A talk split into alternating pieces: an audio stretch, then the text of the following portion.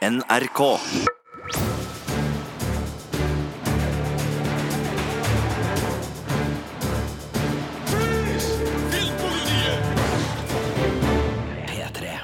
Velkommen til Filmpolitiets podkast. Jeg heter Birger Vestmo. Jeg heter Marte Hedenstad. Og jeg heter Sigurd Vik. Og i dag skal det blant annet handle om andre verdenskrig. Vi skal komme med våre favorittfilmer fra krigsfilmsjangeren. Ja, Og så har jeg et realt strømmetips for dem som digger komiserier til frossenpizzaen. Og så må vi bare snakke litt om nordisk noir på overtid, for det har jo kommet enda en ny Lisbeth Salander-film.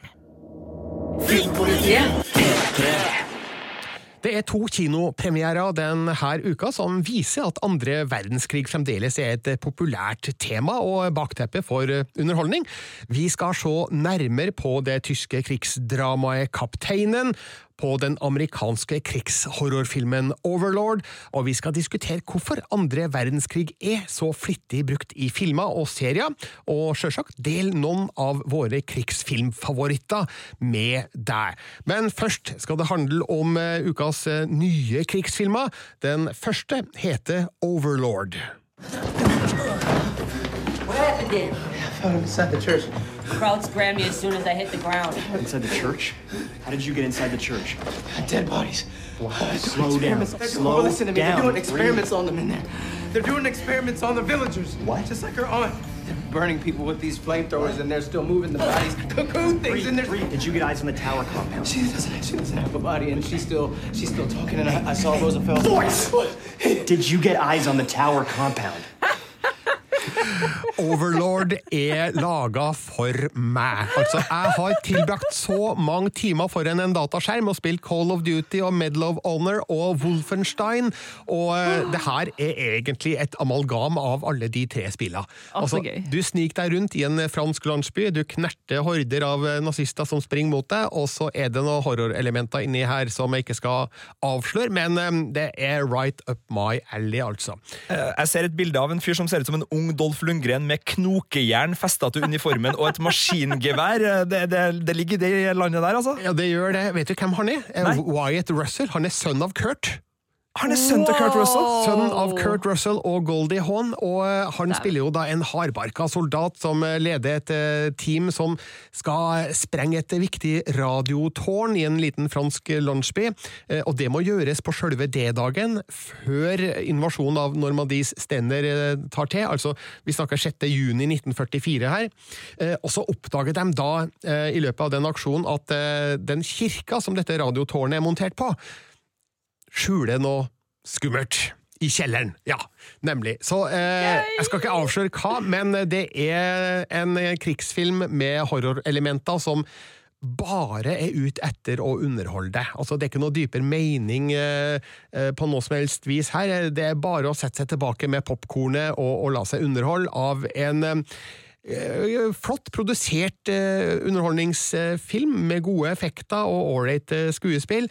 Kanskje ikke den beste historien som fortelles, for har du spilt disse spillene som jeg snakka om, så skjønner du egentlig hva som skal skje. Så det, det er ikke det som er appellen med Overlord, men det er vel heller å få sånn eh, spillinspirert eh, krigsfilmnostalgia med masse action og horror og skyting og blodspletting og ja, det er all the good stuff eh, for den som liker krigsaction, da. Det høres veldig veldig gøy ut. Eh, og så høres det òg veldig veldig tullete ut. Blir det morsomt, eller blir det guffent? Det er mest guffent. Det er litt morsomt av og til, men eh, de kunne nok ha skrudd til humoren enda litt eh, mer. Men måten disse figurene spilles på, gjør det jo klinkende klart at det, det er ikke et eh, det er ikke et svart drama, det her. Eh, det er rett og slett en, eh, en sånn eh, A4-underholdningsmaskin som regissør Julius Avery har stått bak, sammen med ingen ringere enn JJ Abrams som produsent. Og det er klart at når Abrams er producer, så skjønner man at her er det et relativt romslig budsjett ut og går, og det, det ser du da på, på lerretet, for filmen er pent uh, laga. Det er masse eksplosjoner, masse skyting. Det, det, er bra effekter på det som skjer videre utover i filmen, så um, jeg, jeg, jeg koste meg rett og slett på Overlord, sjøl om jeg ser at det er jo ikke verdens beste film på noe som helst vis, og den forsøker heller ikke å være um, Schindlers uh, liste. Altså, det, det er en krigsfilm i totalt motsatt ende av skalaen, det her. Ja, og Hvis du har scenebetegnelse, men egentlig en gamer, så kan det her på en måte være en fin måte å liksom bare spille et uh, artig skytespill uten å delta sjøl. Er Overlorden en, uh, en meka-Hitler? Uh, nei, altså um... Du kan ikke spørre om det, Marte! Du kan ikke spørre om slutten!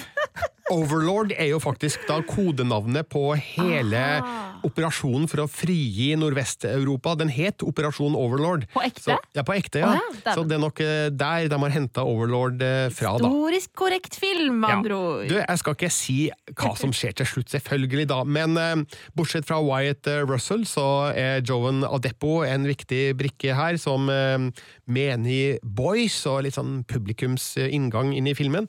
Uh, og på motsatt side så har vi da Eh, den danske skuespilleren Pilo Aspek, som mange husker fra Borgen og Game of Thrones! Game of Thrones, ja. Han spiller nazioffiser her, og gjett om han spiller nazioffiser! Men han er jo et, en skikkelig nevemagnet, så det, det, passer jo ganske bra i mitt hode, i hvert fall. Ja, og så har han sånn fandenivoldsk uttrykk i ansiktet når han vil, da, og det vil han veldig mye her. Så han er en skikkelig god naziskurk eh, i eh, Overlord, så det er masse godt å sette pris på i denne filmen. Eh, jeg har gitt terningkast fire, rett og slett fordi at det er en sånn type film som det nesten ikke er mulig å gi noe høyere terningkast, eh, for da tror jeg at eh, folk har begynt å rynke på nesen. Men det er helt klart en anbefaling. Vel å merke hvis du er glad i de gamle krigsspillene som jeg snakka om her nå, altså Call of Duty, Medal of Honor og, og Wolfenstein. Altså, jeg husker jeg spilte jo det første Wolfenstein-spillet, altså Wolfenstein 3D som kom i 1992. Det var mitt første møte med first person shooter-spill, og eh, denne filmen har en del sekvenser som er løfta rett ut av førstepersonskytespillverdenen, der eh, nazistene bare springer inn i kikkertsiktet til noen av figurene her, så det er ikke vanskelig å se slektskapet her til, til dataspill. Og derfor så syns jeg at uh, Wolfenstein Nei, unnskyld, Overlord Det er lett å ta feil. jeg tror det er Wolfenstein kolon Overlord. ja, det kan godt hende at det er det. At Overlord er verdt å se altså for spillfans. Det er en film til som har premiere denne uka, med andre verdenskrig som tema. Kan vel på sett og vis også kalles en krigshorrorfilm, bare at eh, den er basert på en sann historie, og den heter da Kapteinen. Bitten Herrn Hauptmann, uns erstellen zu dürfen. Können Sie mir erklären, warum Ihre Truppe ohne klaren Marschbefehl ist? Wir sind auf Sondereinsatz. Mit welcher Vollmacht? Vollmacht von ganz oben. Ganz oben. Halt! Das Hauptmann Herold, der ist auf Sondereinsatz.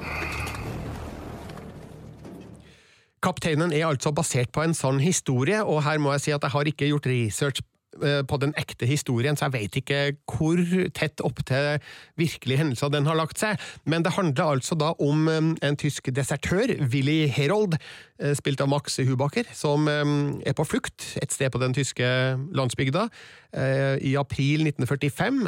Han finner da en bil i veikanten, forlatt, og i baksetet på den bilen finner han en kapteinsuniform.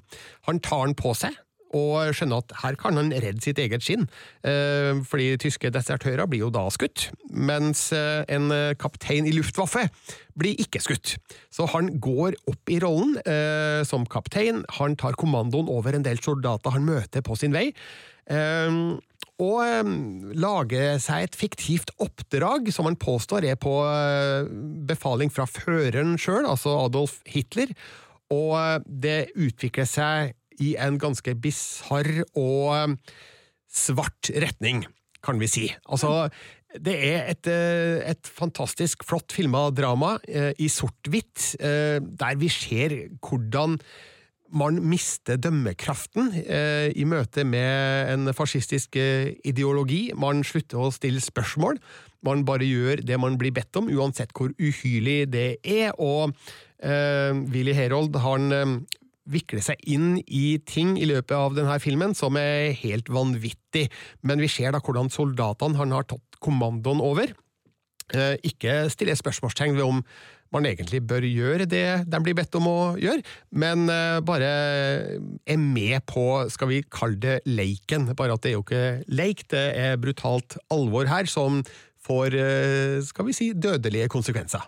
Eh, Sånn Desertørmessig så har det jo vært en del eh, spennende både filmer og bøker opp igjennom, og det uh, hovedspenninga for meg ligger i er det en desertør som har samvittighetskvaler, eller er det bare en kjeltring som, ikke, som er, tenker på seg sjøl og ikke vil være med? Får vi vite noe i denne filmen om bakgrunnen til desertøren? Nei, det gjør vi ikke. Altså, Vi får bare vite at han er desertør. Altså Hvorfor han har desertert, det, det vet vi ikke, og vi får heller ikke vite noe om hvem Willy Herold var før det her. Men vi får bare anta at han er en forholdsvis vanlig tysk soldat, men vi ser jo hvordan han går gjennom en, eh, en utrolig forandring da når han tar på seg denne uniformen og er plutselig en staut kaptein. Og eh, man kan jo se det som et bilde på eh, hvordan noen og enhver kan gjøre ting man ikke trodde man var i stand til å gjøre, eh, bare forholdene rundt er lagt til rette for det. Så sånn sett så eh, kan man ikke dømme Willy Herold eh, som person, men man kan dømme det systemet han da trer inn i, og er et produkt av. Nå skal det også sies at eh, det her er en veldig morsom film på mange måter. Altså, Kapteinen har noen ville øyeblikk som er rett og slett eh, stor, sort humor. Eh, og jeg skal innrømme at jeg, jeg, jeg ledd ofte i kinosalen, men jeg fikk så dårlig samvittighet. Fordi man kan jo ikke le av det som skjer i denne filmen. Eh, det går jo ikke an. Hva sier det om meg som menneske? Men det er noen situasjoner og utviklinger her som er så hinsides at ja, du nesten bare må le av det absurde i det som skjer. Ehm, nå skal jeg ikke avsløre hva som skjer, for denne filmen må bare oppleves, og ehm, er jo en fantastisk film fra regissør Robert Schwentke, som tidligere har gjort seg bemerka i Hollywood med skal vi si sånn gjennomsnittsfilmer som Red og Allegiant og ja, Insurgent før det, og eh, Nei, hva heter den? RAPD, med med The Dude, som ikke var så veldig bra. Ja, Men Så Red det er den med Bruce Willis og alle de andre pensjonistene? ja det er Red. Ja, det er Red, ja. Ja, den likte jeg. Ålreit pizza, pizzafilm. Men nå har han altså da eh, vendt hjem til, til Tyskland og laga en film som viser at han har et enda større potensial enn det han har fått vist i, i Hollywood. da. Og um, filmen er um, fotografert av hans faste fotograf Florian Ballhaus, som er sønn av den legendariske Michael Ballhaus. Og eh, det er gnistrende sort-hvitt-bilder som kler eh, innholdet og tidsepoken den skildrer veldig godt. Og man kan jo lett trekke paralleller her til Schindlers liste, som er lagt til samme land og periode. Kanskje ikke samme land, men i hvert fall samme periode, og den hadde jo et berømt fargeunntak, kan vi si. Det har ikke kapteinen, fordi det er så mørkt at det, det, det er ikke rom for farger da i historien. Det er kanskje derfor de har valgt å, å skyte den i sort-hvitt. Så den røde kjolen i eh, Kapteinen er svart. Uh, bekmørk, ja. Eh, jeg må bare si, jeg, ser, jeg har sett stillbilder fra filmen her, og det ser nesten ut som å være på en fotoutstilling. Altså, hvert bilde er, har sin egen poesi, nesten, i, i uttrykket, og, og det ser veldig sånn dokumentarisk ut på sett og vis òg, i, i sitt sort-hvitt-foto, så jeg, jeg må ærlig innrømme at jeg gleder meg til å, å, å se denne filmen. Eh, Føles det litt sånn, hvis du er litt sånn glad i kunstfilm og, og, og kan ta et rødvinsglass på Gimle, er det en film som også stimulerer de eh, sidene av filmkunsten, eller? Absolutt. Altså, En film som er filma i sort-hvitt, vil jo automatisk ha den effekten. Eh, men det, her, det her føles ikke som noe filmsnobbergrep.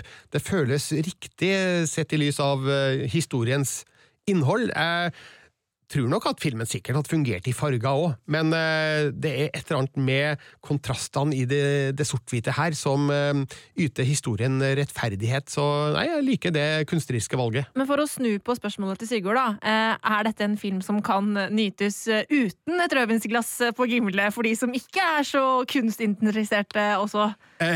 Svaret på det er jo definitivt ja. For det her er et skikkelig interessant krigsdrama som gjør at man må tenke litt eh, rundt eh, hvordan man sjøl hadde reagert i lignende situasjoner. Det er lett å sitte her på sin moralske høye hest og bedømme, og det er ikke sikkert eh, vi hadde handla så veldig annerledes hvis vi hadde befunnet oss i samme situasjon som noen av figurene i Kapteinen. Så det her er en varm anbefaling som eh, får terningkast fem fra meg. Det er bare å gå og se både Kaptein og Overlord på kino, to solide krigsfilmer, men i helt ulike deler av sjangerspekteret.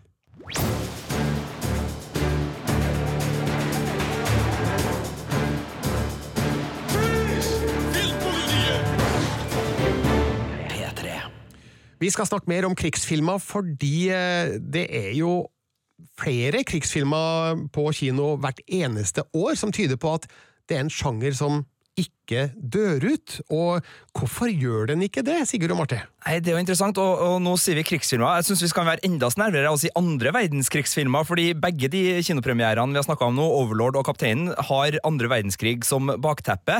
Og det er en eh, krig som får spesielt stor plass både i, i, filmer og serier. Og jeg tror det er flere årsaker til det. Jeg tror eh, en av de viktigste er at det er så tydelig hvem som er skurker og hvem som er helter i andre verdenskrig, at det er ikke noe problem. Og i tillegg så er jo USA, som er kanskje en av de der eh, viktige kinoleverandørene. Eh, det her er en krig de er helter i, uten tvil. Altså I Vietnamkrigen, i Koreakrigen, så er ikke de Altså, de ble ikke angrepet. De er på fremmed eh, jord og gjør litt sånn moralsk tvilsomme ting, så der har de en selvransakelse, og det er mange filmer som tar opp det problematiske. I andre verdenskrig så kan USA bare liksom sånn Vi kom og redda dere. Vi var Marshall-hjelpa. Det var Pearl Harbor. Det var Iwo Jima. Vi er USA, osv. Og, osv. og det er jo litt irriterende, egentlig, fordi i film etter film etter film så virker det jo som om amerikanerne eh, frigjorde Europa omtrent på egen hånd. Eh, det er jo ikke riktig.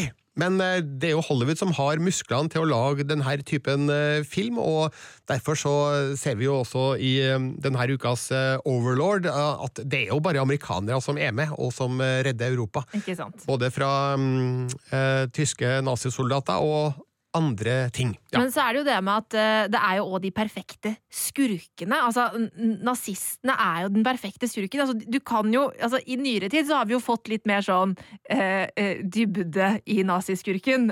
men man har jo disse ekstremt karikerte onde skurkene som på en måte bare er evil. Arr på kinnet. i fjeset. Stram skinnfrakk. Veldig karikert i sine kostymer. Fordi at, altså, ja, det var ekte uniformer, men de ser jo litt lol ut eh, i dag. Ja, men det er, så, det er så lett å etablere frontene her, Mm. og eh, det er så lett for publikum å forstå eh, hvem som er god og hvem som er ond, og kampen mellom det gode og det onde er jo en av grunnpilarene i all historiefortelling, så det er jo ikke rart at eh, det her har blitt en sånn utømmelig kilde for, for historiefortelling. Men det er jo også der uh, litt av konflikten har ligget. fordi de her filmene brukes jo En ting at Hollywood bruker dem, men uh, også nasjoner som Norge bruker dem jo til å liksom behandle sin egen historie. For det her er jo en krig som virkelig satte sitt preg på, på spesielt våre besteforeldre og foreldres uh, generasjon. og med filmer som Max Manus, Den tolvte mann, Kongens nei, så har jo også Norge vært med og liksom laga en sånn her Det er ikke plass til så veldig mye nyanser og liksom sånn hva noen av motstandsfolkene egentlig på NS-medlemmer og sånne ting. Altså Vi må ha det veldig tydelig, så det har jo en veldig sånn her det hjelper oss å lege sår, og det hjelper oss å rykke fram som nasjon. Og så er det jo en del som mener at det også kan være problematisk. Ja, altså, apropos arr på kinnet. Altså, eh, skurken i Den tolvte mann var jo nesten en, en parodi på en, eh, en, eh, nazist. Altså, han var jo så ekstremt Altså, alle Tilgjort. Ja, tilgjort. Alle liksom tropene rundt det, en nazioffiser var puttet inn i den figuren. Og det funker jo, da! Altså, selv om jeg syns det blir litt for mye, da. Men, men det fungerer jo på kino, liksom. Du, det er veldig lett å skjønne at ok, her er skurken. Eh, Du nevnte nasjonsbygging, Sigurd. Det virker som at alle land har sin eh, krigsfilm. Sin eh, store skildring av det som skjedde, og kanskje rettferdiggjøring av egne handlinger, eller, eller mangelen på egne handlinger. Og det er jo en viktig årsak til at vi har fått så mange krigsfilmer. Ja, og jeg tror uh, Tyskland er vel kanskje den filmnasjonen som brukte litt lang tid på å komme i gang med det her. Eh, altså Etterkrigstida var problematisk å behandle i, i tysk film lenge, men også eh, de har jo kommet, og Kapteinen er vel et eksempel på at de også finner nyanser og uh, litt sånn unike historier som er med å, å fortelle et, en bredere historie, da, også om det som foregikk, foregikk hos dem. Uh, og så er det jo selvfølgelig en underkategori, alt jeg på å si, eller ikke underkategori, men en annen kategori er jo det her oppgjør, og spesielt holocaust-filmer, som tar for seg de grusomste av hendelsene og gir flere nyanserte blikk på det. Vi nevnte jo Schindlers liste, som er en sånn milepæl fra, fra, Spielberg, men du så jo en film for jeg tror det er to år siden, Birger, som havna øverst på toppen av Filmpolitiets årsliste, som også er i holocaust-kategorien. Ja, Souls uh, sønn uh, fra Ungarn var jo den beste filmen jeg så det, året. Det, året. det var noen år før det også, tror jeg, uh, som jo fortalte om horrible forhold i en konsentrasjonsleir. Uh, helt unikt uh, filma av en debuterende regissør, Laslo Nemes. Uh, og det har jo blitt laga flere holocaust-filmer som har avdekka grusomhetene som ble begått. Eksempel en dokumentar som heter Shoa i 1985, og en russisk film fra omtrent samme tid som het Gå og se. Um, Schindlers liste nevnte du, og The Boy in the Striped Pyjamas gikk på kino i Norge.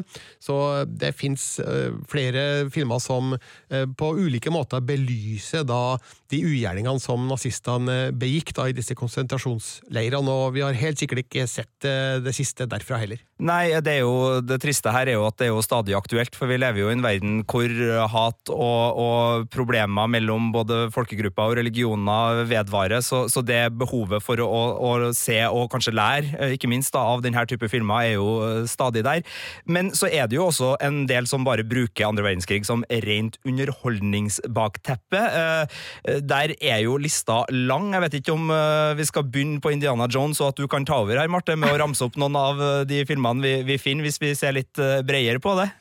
Altså, eh, hvis vi ser enda bredere på det, så kan vi jo bare bruke sånne filmer hvor, hvor nazisten er skurken. Altså, vi kan jo gå til Død snø, for mm. eksempel. Mm. der har du jo kombinert zombiesjangeren og andre verdenskrig-sjangeren på en måte i en sånn herlig miks. Eh, eh, og jeg syns jo det er kanskje de morsomste filmene, der hvor naziskurken blir den parodien som, som, vi ofte ser, da. Men vi kan jo òg trekke inn Star Wars. Altså, der er det jo henta inspirasjon altså Stormtrooperen og alt er jo hentet inspirasjon fra andre verdenskrig. sånn det er veldig mange paralleller man kan trekke hvis man begynner å se litt større på det. Og Hydra i Captain America First mm. Avenger et også et eh, godt eksempel. Uh, Kung Fury, der er jo eh, Adolf Hitler til de grader med. Så jeg tror at nazistene kan brukes til alt, egentlig. Altså Til og med i The Blues Brothers så har du Illinois Nazis. Uh, og hvis vi holder oss på 80-tallet, Allo, allo, hvor uh, herr Flick og Helga og the fallen det, Madonna with the big den, boobies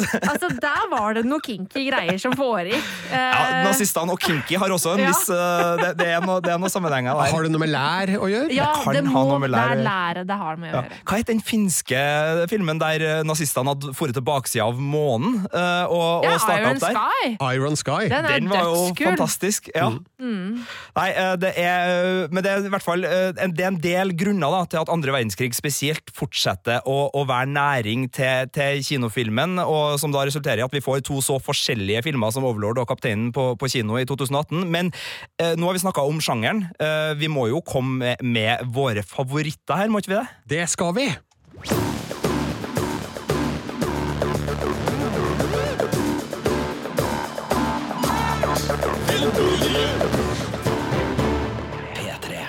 Og Sigurd, eh, litt eh, før vi starta denne podkasten, så sa du til meg at du trodde du kanskje skulle komme med et tips eh, som jeg også hadde. Ja, for vi har jo ikke lov til å si til hverandre hva vi har valgt, så derfor så, men jeg har ordna meg en backup, som er da min tredjeplass, så du får lov til å begynne, Birger. Å, oh, neimen så fantastisk!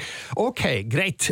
Da skal jeg komme med mm, to tips som vil gjøre det åpenbart for alle at jeg liker krigsunderholdning.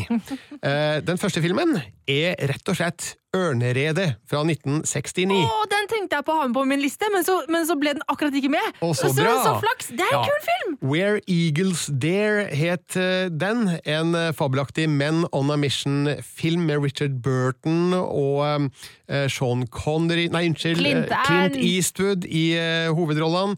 Eh, jeg så den på bygdekino da jeg var tolv år gammel. Og det er en sånn bygdekino der man viste 20 minutter, uh, og så måtte de skifte filmrull. Å ja, okay. Eh, og så så du 20 minutter til, og, så, ja, og i pausene så gikk du i kiosken og kjøpte sjokolade til én krone.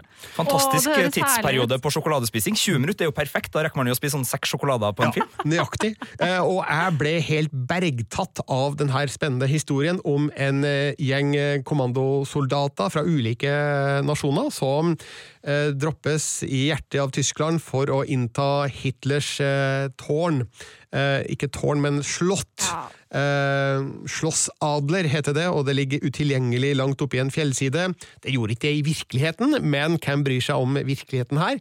De må da finne en måte å komme seg opp på det slottet på, for å um, eh, Nå husker jeg ikke i farten hva de skal der. De skal De skal, noen. drepe redde, de skal drepe en fyr og redde en fyr. Altså, Ja, jeg husker ikke, det- det er lenge siden jeg har sett den. Ja, det er lenge siden jeg har sett den også, så beklager at jeg ikke husker alle spesifikke detaljer her. Men i hvert fall så er det en film full av spennende situasjoner der de henger i bergveggen, og det er masse skyting på slottet, og det er en helt vanvittig spennende sekvens eh, på en gondolbane, der eh, man virkelig føler suget. Eh, jeg gjorde det i hvert fall da. Når jeg har sett filmen senere, så har jeg jo eh, sett at ok, spesialeffektene i 1969 ja, Kanskje litt sånn småshaky.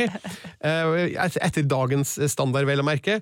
Men det er en skikkelig underholdende film med mm, veldig gode rolletolkninger, spesielt av uh, stålkalde Richard Burton og den ekstremt kjekke Clint Eastwood i kanskje sin, ja, hans kjekkeste periode, vil Ja. jeg si da. Og apropos dette med uniformer, altså menn-uniform.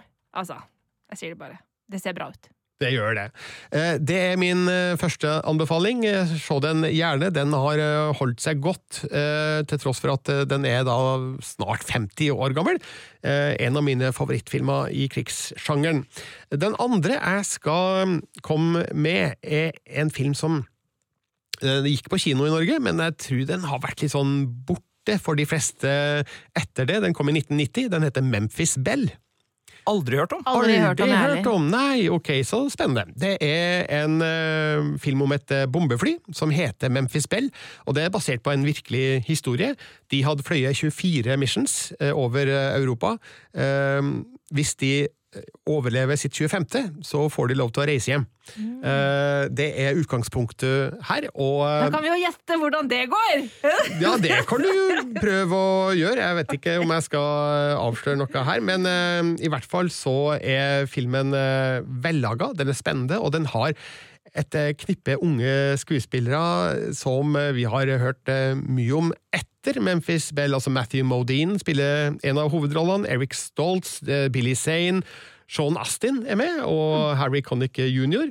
Og det er en film som tar seg god tid til å presentere oss for mannskapet på Memphis Bell, slik at vi er rimelig godt kjent med dem når Memphis Bell legger ut på dette 25. og siste toktet. Eh, Sånn at eh, du investerer følelser i figurene, og eh, du setter pris på alle de småhistoriene dem imellom, eksempel de to som sitter i cockpiten, de har en konflikt eh, gående, og så har vi det kameratslige eh, kjeklinga mellom de to gunnerne eh, på, på sidene, og så har vi da Sean Astin, eh, stakkar, som sitter i eh, en sånn skytterkapsel på undersida av flyet. Og så har vi Harry Connick jr., da, som sitter i, i halen og er sånn passe interessert i, i begivenhetene. Så eh, er det en del sekvenser som involverer eh, dogfights eh, in the sky med eh, tyske jagerfly, som er rett og slett vellaga. Det er omtrent som at de de har gjort det på ordentlig, og det har de til en viss grad gjort, for det ble faktisk brukt fem ekte B-17 bombefly i eh, filmen. Jeg vet ikke om alle de flyr lenger. Et av dem gjør ikke det, for det krasja under innspillinga og brant opp. Det gikk bra med mannskapet, men eh, de, de brukte altså ekte bombefly, og i dag ville det sikkert vært CGI, hele, hele skiten, tenker jeg. Altså, det her høres jo veldig kult ut, eh, og så høres det ganske stort ut. Og så blir jeg litt sånn Hvorfor har jeg ikke hørt om den filmen her? Eh, Hva er, eh, var det en storfilm da den kom? Nei, altså Det var en sånn eh, grei, stor film da den kom, men den hadde ikke kjendisfaktoren på rollelista den gangen, som kunne gi den ekstra drahjelp. Og så har jeg inntrykk av at den egentlig forsvant litt på, på hjemmevideofronten etter eh, 1990, så den har blitt litt glemt. Den har det. Men den er tilgjengelig på, på Blu-ray. Eh, uten norsk tekst, men eh, dog, den er tilgjengelig, så det går an å få sett den. Eh, jeg vet ikke om den finnes på strømmetjenester, det har jeg faktisk glemt å sjekke. Men hvis du kommer over Memphis Bell fra 1990, så er det absolutt verdt en anbefaling, altså. Det var mine to tips. Det var Memphis Bell, og så var det Ørneredet, Where Eagles Dare. Og nå skal vi over til deg, Sigurd Vik. Hvilke filmer er det du har anbefalt, og var en av de, noen av de to som jeg nettopp nevnte? Nei, det var det ikke. Den jeg frykta at du kanskje hadde på lista di, og nå eh, får folk eh, innsikt i om jeg kjenner deg godt eller ikke. Det, det er en film fra 1997. Som har Roberto eh, Benigini, eller Bengini i hovedrollen og i registolen. Den fikk Oscar for beste utenlandske film, og den heter Livet er herlig. Life is beautiful, eller La vita è bella, hvis du vil ha det på italiensk. Jeg vurderte den på lista mi. Du gjorde det? Okay. had, Er det en film du liksom Jeg har sett den én gang, og det var i 1997, og jeg likte den ikke. Oi! Sigurd kjenner ikke Birger, Birger Vestmo i hele tatt. Likte du ikke Likte? Nei. Eh, Det er jo en av de fineste nå, nå, nå er det altså eh, 21 år siden jeg så den, så jeg husker jo ikke nøyaktig detaljert eh, hva det var med den filmen, men jeg, jeg trodde ikke på historien. Jeg syntes at Ja. eh, skildringa av eh, konsentrasjonsleiren var, den var så pen og pyntelig at eh, for meg var det vanskelig å engasjere meg i, i, i historien, så vidt, så vidt jeg husker da. Ok, jeg skjønner. Ja, jeg gråt eh, Jeg gjennom gråt hele, men ikke hele. fordi jeg syns det var, var forferdelig å se på, rett og slett bare fordi jeg syns det er en av de mest rørende og fineste fantasifluktfilmene jeg har sett. Det handler da altså om en eh, far i Italia av jødisk herkomst som eh, har et lykkelig påbegynt familieliv med kone og sønn, og så kommer nazistene, og så splittes familien, og så er det sånn at mora blir sendt bort, mens faren og sønnen havner sammen i konsentrasjonsleir. Men for at sønnen ikke skal synes det her er eh, forferdelig, forferdelig, forferdelig, så later da faren som at det her er et spill, hvor hvis sønnen får jeg tror det er 1000 poeng, så vinner en tanks eh, på slutten av det her eh, langvarige eh, rollespillgreia. Og det er premisset, og så skjer det jo ting under her. Det er jo en komedie med en veldig, veldig sår klangbunn. Roberto er jo kjent fra blant annet Dan Barlow-filmene til Jim Jarmers og har jo gjort mye artig. Han spiller også en herlig drosjesjåfør i A Night on Earth, så han var jo en litt sånn morsom type på 90-tallet, eh, og bruker jo da sin komiske teft i denne filmen. Men kjempeinteressant at jeg syns den er liksom helt der oppe, og så tror jeg at det her er en sånn Birger-film, tenkte jeg. Det her er en Birger-film, men Ja, jeg beklager at det tydeligvis da ikke er det, men jeg kan godt gi den en ny sjanse nå, da, 21 år etter. Kanskje har det skjedd noe med meg som person i mellomtida som gjør at jeg nå er mer mottagelig for eh, den litt, eh, litt for snille skildringa da, av eh, den eh, holocaust-situasjonen som eh, historien tar utgangspunkt i. Jeg tar imot avstemning fra publikum på det her. om, eh, altså Sjekk den ut, den ligger på amerikansk iTunes, ligger ikke hos no, no. Nei, den ligger hos norsk iTunes, mener jeg. Eh, så hvis du syns at Birger har rett, eh, gi gjerne Ja. beskjed på filmpolitiet, alfakrøll, nrk.no, eller Instagrammen vår hvis du syns at jeg har rett, og at den er fantastisk. Men det som kan ha skjedd i mellomtiden, Birger, det er jo at du har jo fått barn siden den gang. Og det kan hende at det påvirker hvordan du ser på, ser på det. Og akkurat det der med at det er en sånn veldig fin At det er litt for pent og pyntelig i konsentrasjonsleiren, det er jeg enig i, men det er på en måte Sånn som sønnen ser det, er mitt øh, liksom, inntrykk av det. da Ikke sant? At, øh, fordi at øh, faren er så flink til å late som, så blir det sånn. Men jeg har et veldig positivt minne knytta til den filmen. Og det var da Roberto Benigni vant Oscar!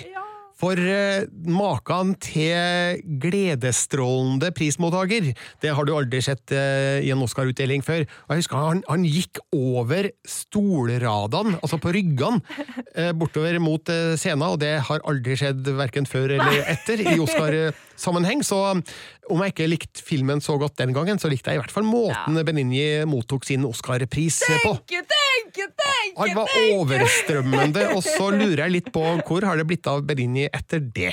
Ja. Det er et godt detektivoppdrag du gir meg der. Jeg skal prøve å finne ut, Birger. Til en senere anledning så skal jeg ha en oppdatering på hvordan det, går med Robert. Men det var min første anbefaling. Den ligger altså på iTunes. Den ikke, ligger ikke ute til strømming, men du, du får leid den og, og kjøpt den på iTunes. Eh, eller i butikk. Min andre eh, jukser jeg på. Eh, altså, jeg vet at det her er Filmpolitiet, og at vi skulle snakke om filmer nå, men vi er også glad i serier, og jeg uh, tar og slenger en uh, god rosekvast bort til Tom Hanks og Steven Spielberg for Band of Brothers, som er en TV-serie fra 2001, som vant Emmy og Golden Globe for beste miniserie det påfølgende år, og som ligger ute på HBO Nordic, og som er en herlig runde med Easy Company, som vi da følger, som er et uh, fallskjermkompani som starter på amerikansk jord og trener der, og så blir de etter hvert eh, satt ut i, i krigen, og vi følger dem. Eh, Det er skuespillere som Tom Hardy, David Schwimmer, eh, det er Donnie Wahlberg fra New Kids on the Block, broren til Marky Mark, holdt jeg på å si, altså Mark Wallberg, det er Michael Fassbinder, og det er ikke minst da Damien Lewis, også kjent fra Homeland, i en nydelig rolle. Jeg skal ikke si så mye mer, det var tidenes dyreste TV-serie, og den ble det i, i ti år, for det kosta 125 millioner dollar å lage det, og det vises. Og ja. Altså, det som Jeg, elsker den serien, jeg også. Eh, og det som er det beste med den, syns jeg, er Altså, det du nevnte eh, angående den flyfilmen, eh, Birger. Altså, samholdet og forholdet mellom soldatene og det kameratskapet som utvikler seg der.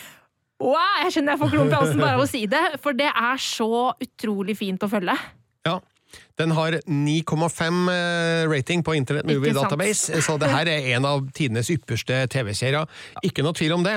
Og eh, jeg nevnte jo i forbindelse med Overlord tidligere i podkasten at eh, den er inspirert av en del dataspill, og du kan godt si at Band of Brothers er en av inspirasjonskildene nå. Måten den skildrer, invasjonen i Frankrike, og hvordan de kjemper seg gjennom franske smålandsbyer, er også veldig merkbar i, i Overlord. Så um, jeg stiller meg gjerne bak eh, Band of Brothers som en, en ypperlig eh, anbefaling, altså fra krigsfilmseriesjangeren. Mm. Ok, Da er det min tur, og jeg har valgt å gå litt sånn eh, alternativ til verks. Når jeg, når jeg ser på krigsfilmsjangeren, så havner jeg ofte på favoritter på eh, filmer og serier som ikke er fra andre verdenskrig. Eh, eh, og det, nå skulle det jo handle om andre verdenskrig, så da går jeg litt sånn på sida. Men den, den første filmen er en animasjonsfilm som eh, ikke foregår i Europa, men i Japan under andre verdenskrig, nemlig Grave of the Fireflies fra 1988.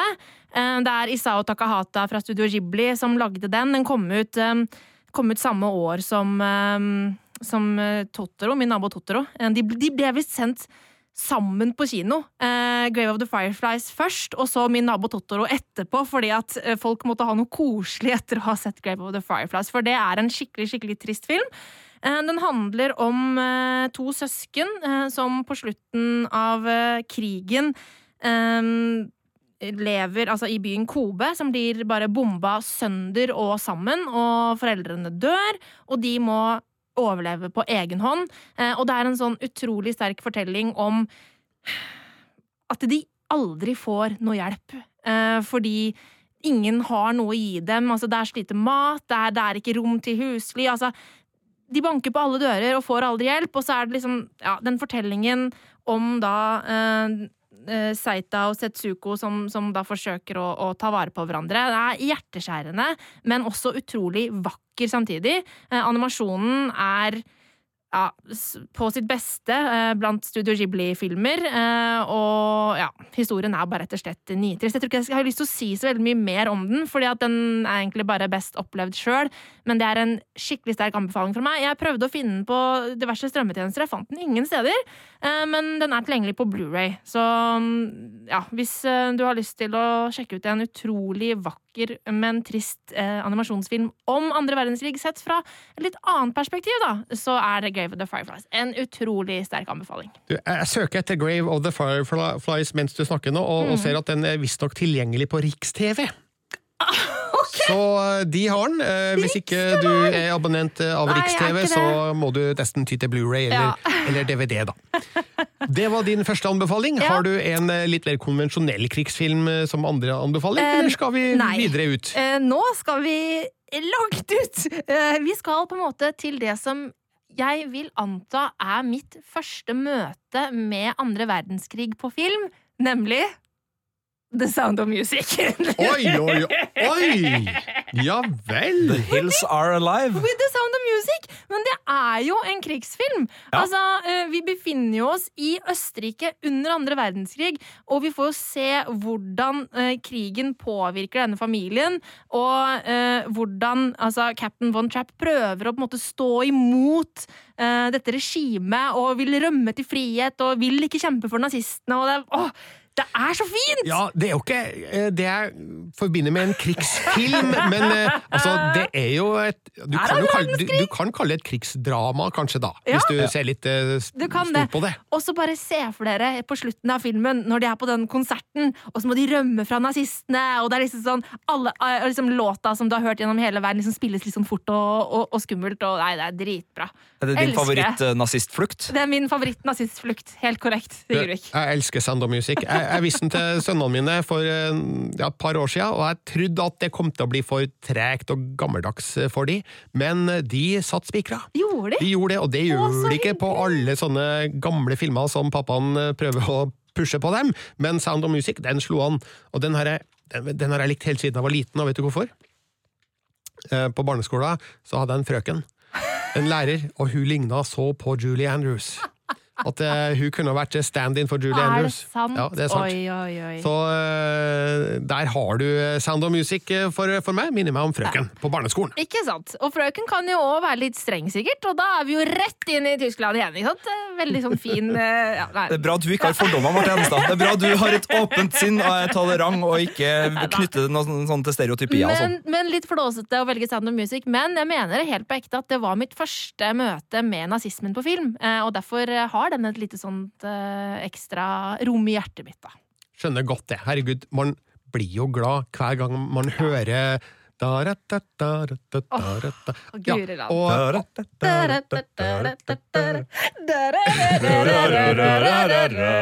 These are a few of my favorite things. Nydelig, og den er tilgjengelig overalt, det er jeg sikker på. Ja. Sound of Music fra 1965 var den siste anbefalinga fra oss i Filmpolitiet. Vi har altså vært igjennom eh, Overlord og Kaptein, som har premiere i, i dag. Ørneredet og Memphis Bell, som er like godt. Uh, Band of Brothers, TV-serie, og Livet er herlig, som er like godt. Og Grave of the Fireflies og The Sound of Music.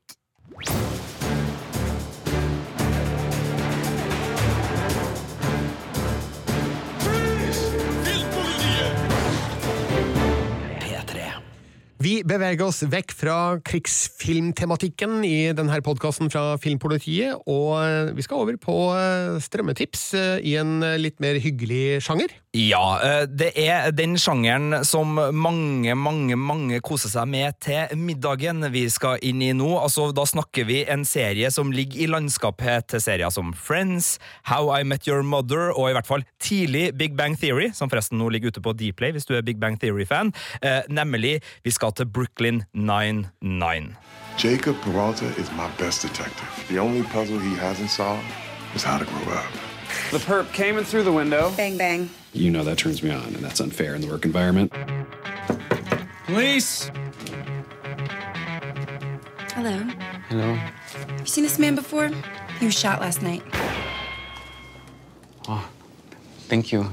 No, sir, that's ours. We need that. We- Andy kept it. Brooklyn 99, ja. Hva for en serie det, Sigurd? Det er en TV-serie som foregår på et eh, politidistrikt i Brooklyn, som da heter 99, og vi følger da gjengen som er der. Eh, Det er da Andy Samberg som er hovedpersonen, som Jake Peralta, en litt sånn barnslig, men veldig smart detektiv. Eh, Og så er da han omgitt av tøffe Rosa, sterke, men veldig vennlige Terry, som spilles av Terry Crews, som er en fyr mange kjenner, blant annet fra noen helt avsindige rare Er det Old Spice-reklama, der han står bare og brøler? Han er jo en av eh, de, de morsomme morsomme. Eh, og eh, Chelsea Peretti må også nevnes, som spiller Gina i denne serien, som er en komiker av rang, som også har noen gode standup-spesialer på Netflix. Så det er mange gode komikere som man kjenner litt fra hist og pist, som har kommet sammen og laga en herlig serie. Den ligger på Netflix, hvor sesong fire nettopp ble sluppet, og da ble jeg så gira at jeg måtte på amerikansk iTunes og kjøpe sesong fem, som ennå ikke har kommet til Norge, men som er tilgjengelig, og det skal altså komme en sesong seks.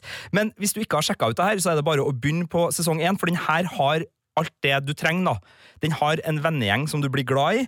Den har en romanse eller to mellom eh, figurer som kan gå over sesonger.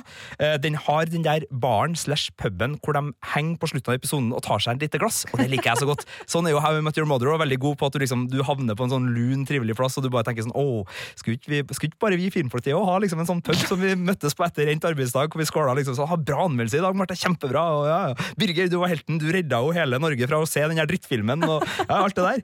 Eh, Og så er det halvtimer som ikke føles som halvtimer. Altså Det er sånn 25 minutter som bare flyr forbi, og du bare En til. En til. Og det er perfekt eh, sånn eh, middagsunderholdning, eh, og også til litt sånn hvis du har et par timer helt på tampen av kvelden etter trening, etter noe sånt, du har bare lyst til å koble helt av. Det er kjempebra. Nå har jeg sett det så mange ganger at det begynner også å bli en sånn her godt selskapsserie som jeg bare Ja, kan for du ser det igjen, du. Jeg har begynt å se det igjen. Ja. For når jeg var ferdig, så var det liksom lenge nok siden jeg hadde sett sesong én. Egentlig ikke så lenge, men da bare, da blir det Jeg har det sånn med noen serier. Castle har jeg det med, Bones har jeg det med, How I Met Your Mother har jeg det med. Serier som blir en del av eh, huset mitt. Er det sånn du setter på, og som du bare kan på en måte høre på? Jeg kan i hvert fall gå litt rundt Ja. uh, etter hvert, da. Ja. Men nå snakker vi om Nå, nå må vi ta det Ok, førstegangstitting okay, i, i utgangspunktet. Men Brooklyn 99 Merk dere navnet. Og hvis dere elsker de der halvtimeseriene fra USA som selvfølgelig er cheesy og full av enkel humor, men allikevel har nok sjarm og teft til å funke, så sjekk det ut. Det ligger på Netflix i Norge, sesong 1-4, og så finner du ut hva du vil gjøre etter at du har eventuelt sett det. Eh, Det er rett og slett en eh, komediefavoritt. Det er godt. Da er vi i land med serietipsanbefalinga, Brooklyn 99. Vi skal over til noe som eh, kanskje ikke er en like sterk anbefaling, eh, Marte Hedenstad. Nei, altså, nå har jo eh, det kommet enda en Lisbeth Salander-film på kino, og begynner vi ikke å bli litt lei nordisk noir nå, da? Vi gjør det. Vi kan starte med å høre litt hvordan det høres ut når Claire Foy, kjent fra The Crown, skal snakke uh, svensk-engelsk. I'm a fan of yours. The CEO who beat up two prostitutes, but then got acquitted in court yesterday. Get me down! I'm transferring 20% of your cash to these two girls. I'm calling down to security.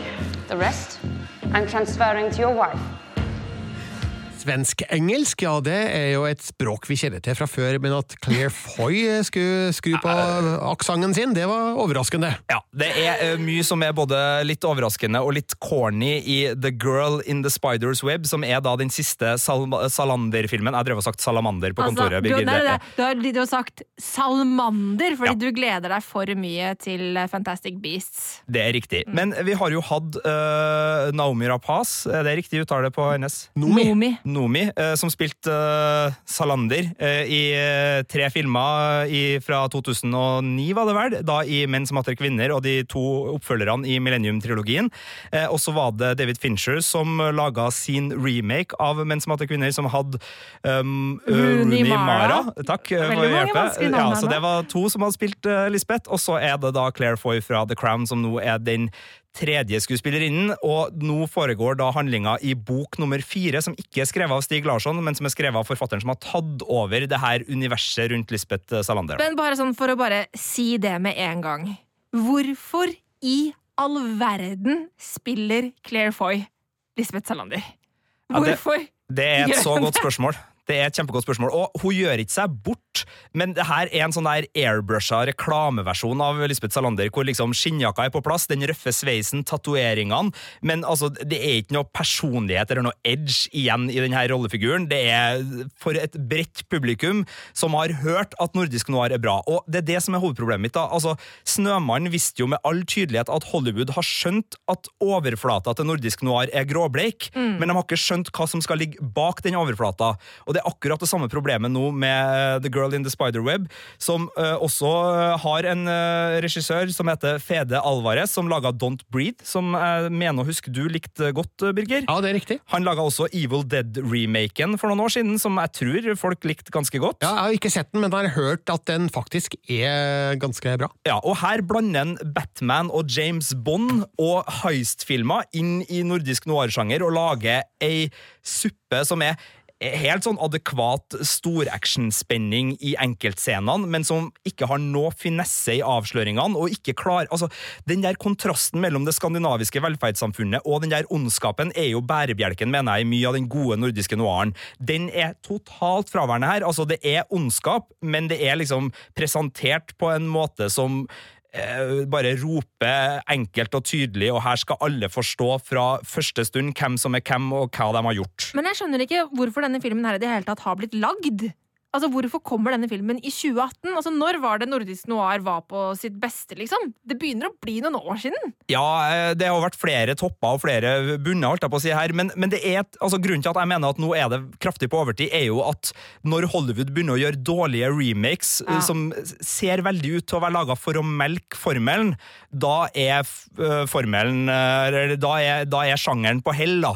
Og jeg syns jo blant de TV-seriene vi i Skandinavia fremdeles produserer, så syns jeg også Broen sesong fire var et veldig sånn tydelig tegn på at her har ideene, de virkelig gode ideene, dødd litt ut. Det funker fremdeles. Det er en del gode terningkast fire-serier som lages både i Norge, Sverige og Danmark, som er innenfor den der paletten, og som har eh, et snev av det, spesielt den der arkitektoniske vibben Ja, altså, og flere sånne er vi på det er ikke knallgode lenger. Nei. Det er ikke knallgode serier lenger. Nei, og det hvis er sånn brut- OK gode. Ja, Hvis vi skal være brutale, så la oss si at uh, vi har hatt en, en fire, fem, seks serier som har vært fantastisk, og da kan vi nevne uh, Forbrytelsen og Broen og kanskje Mammon uh, inn i det her, hvis vi er litt uh, snille. Eh, og, og The Killing-remaken til Netflix syns jeg var ganske god, i hvert fall i de påbegynte sesongene, så det har vært en del bra, og det er mye god skandinavisk krim som liksom ligger litt i nordisk noir, men også litt utenfor.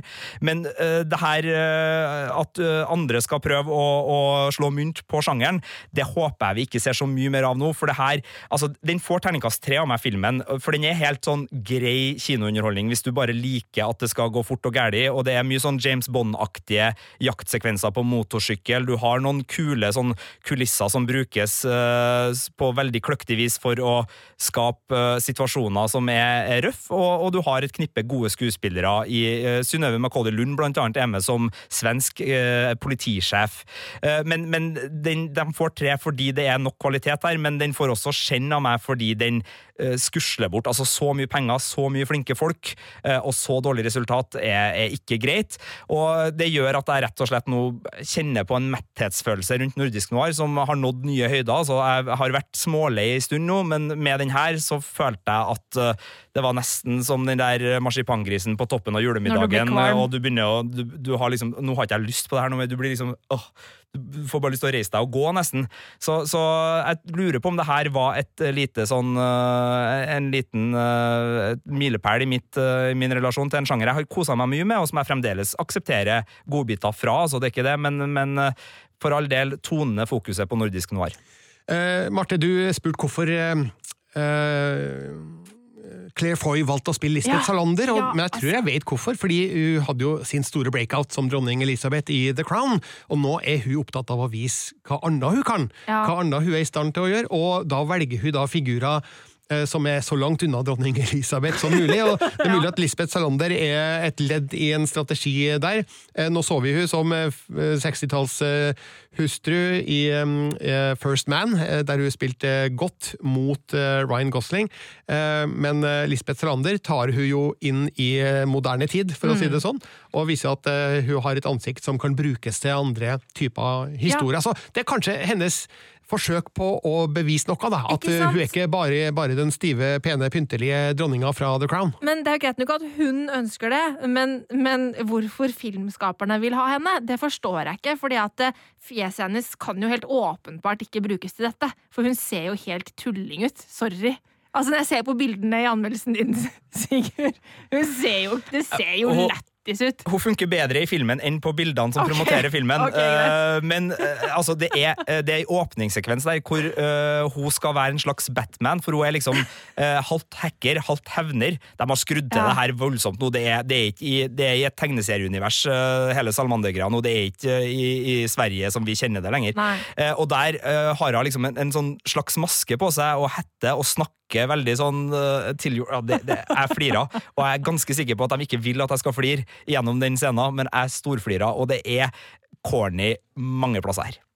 Da er vi ved veis ende i denne podkasten fra Filmpolitiet. Vi må nevne at vi har anmeldt flere filmer enn vi har snakka om eh, i denne podkasten.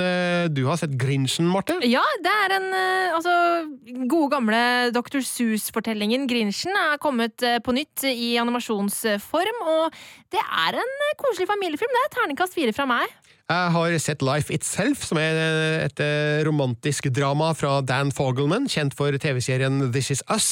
Eh, Den er dessverre dårlig. Et romantisk suppedrama med floskeldialog, som jeg har gitt terningkast to, og det til tross for god innsats fra blant andre Oscar Isaac og Antonio Banderas eh, på rollefronten. Og så bare gjentar vi Overlord, som fikk terningkast eh, fire, og eh, Kaptein, som fikk terningkast fem, og som du nettopp hørte, The Girl in the Spider's Web fikk terningkast tre, og alt det her på p3.no Filmpolitiet. Vi vil veldig gjerne at du legger igjen en rating og en anmeldelse der du henter denne podkasten, og kan folk komme i kontakt med oss, Sigurd og Marte? Og ja da, Vi er jo nås på e-post, filmpolitiet alfakrøll nrk.no, og så har vi jo noen sosiale medier også. Ja da, Du finner Filmpolitiet både på Instagram og på Twitter. Bare søk Filmpolitiet, så kommer vi opp. Da sier vi hjertelig takk for følget. Jeg heter Birger Vestmo. Jeg heter Marte Hedenstad. Og jeg heter Sigurd Vik. Vi høres igjen om en ukes tid.